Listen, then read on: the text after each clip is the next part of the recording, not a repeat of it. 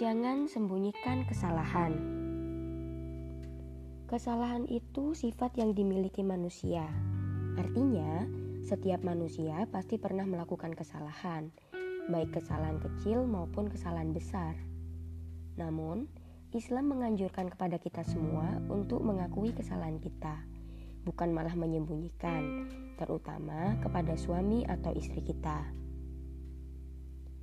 Memang benar, tabiat dasar manusia memang tidak bisa luput dari kesalahan. Tetapi akan menjadi fatal bila berubah menjadi kesukaan atau kesengajaan yang berulang. Demikian itu membuat pernyataan mengakui kesalahan terasa sangat sulit. Padahal sangat tidak baik berlindung pada kalimat kita tak bisa lepas dari kesalahan. Mengaku kesalahan memang tidak mudah, apalagi jika kesalahan itu tersembunyi.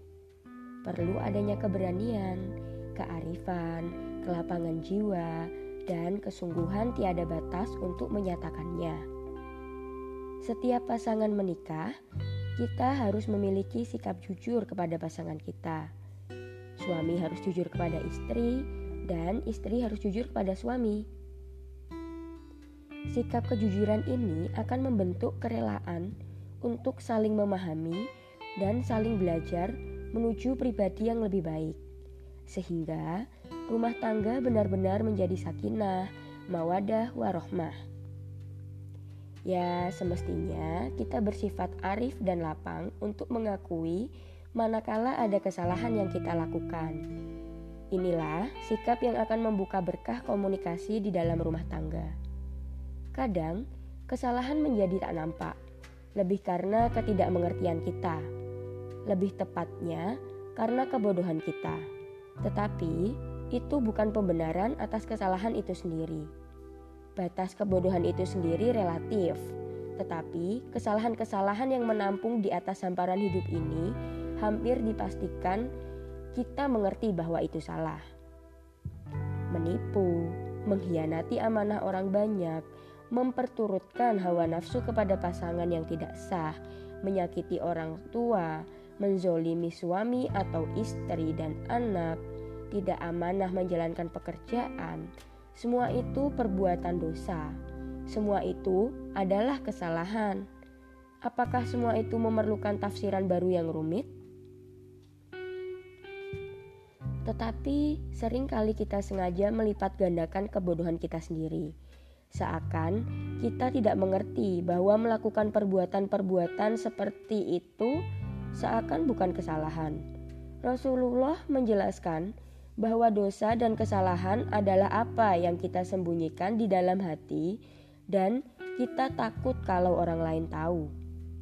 Ada banyak orang yang melakukan sesuatu di malam hari yang tidak diketahui di siang hari, bahkan mungkin oleh orang terdekat kita.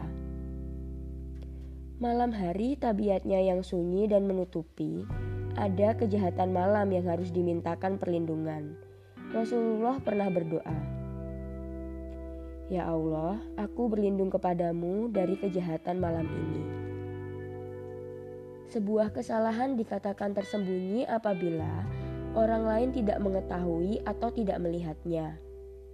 Mungkin juga orang lain tidak mengerti bahwa itu memang benar-benar bersalah. Dalam hidup ini, begitu banyak orang yang begitu merasa nyaman hidup di atas prasangka baik orang lain. Memang, kesalahan itu bukan sesuatu yang selamanya harus dikenali orang lain. Bila kita sadar, itu sudah menjadi modal yang cukup berubah menjadi baik. Karena itulah, Ali bin Abi Thalib menasehati betapa penting menjadi penasehat diri sendiri itu maknanya menjadi baik tidak perlu sampai menunggu setelah orang lain tahu kesalahan-kesalahan kita.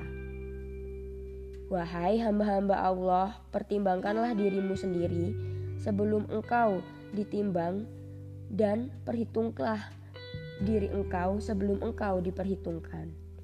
Bernafaslah sebelum lemasnya tenggorokan. Taatlah engkau sebelum digiring dengan kasar. Ketahuilah bahwa apabila orang tidak menolong dirinya dalam bertindak sebagai penasehat dan pemberi peringatan bagi dirinya sendiri, maka tiada orang lain yang dapat dengan efektif menjadi penasehat dan pemberi peringatan baginya. Kesalahan itu laten dan menjadi penyakit di dalam diri. Kesalahan laten banyak bentuknya, seperti hasad yang menyatu dengan daging atau dengki yang melekat dengan segala kehendak. Penyakit nifak juga bisa menjadi laten. Penyakit hati dan dosa-dosa laten merupakan tunggangan yang sangat disukai oleh setan. Perputaran sejarah dan siklus kehidupan memberi kita banyak pelajaran tentang kesalahan-kesalahan orang terdahulu yang akhirnya menyedihkan. Meski setelah bertahun atau beratus tahun kemudian. Itulah mengapa Allah dalam banyak kesempatan menyadarkan kita tentang pentingnya mengambil pelajaran dari orang-orang yang dihinakan setelah sebelumnya ditinggikan. Orang-orang yang ditenggelamkan setelah dahulunya dimuliakan yang menjadi penyebabnya adalah dosa dan kesalahan.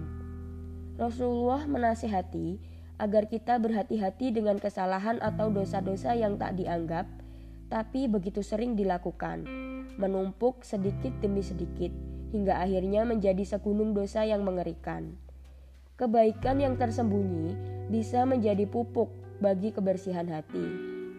Sedang kesalahan yang tersembunyi, bila kita sadari, bisa menjadi pintu pendekat diri kepada Allah dalam munajat yang dekat dan tersendiri. Ingatlah, sesungguhnya Allah Maha Mengetahui diri kita yang nampak dan yang tersembunyi. Menikah adalah upaya anak manusia untuk mencapai derajat kemuliaan. Kesalahan yang terjadi dalam kehidupan rumah tangga harus diperbaiki bersama-sama, saling mengingatkan dan saling menasehati tentu saja akan menjadikan kehidupan rumah tangga menjadi lebih baik. Ya, tidak ada kesempurnaan dalam hidup ini. Namun, kita harus selalu berusaha memperbaiki diri dan mendukung pasangan untuk memperbaiki diri.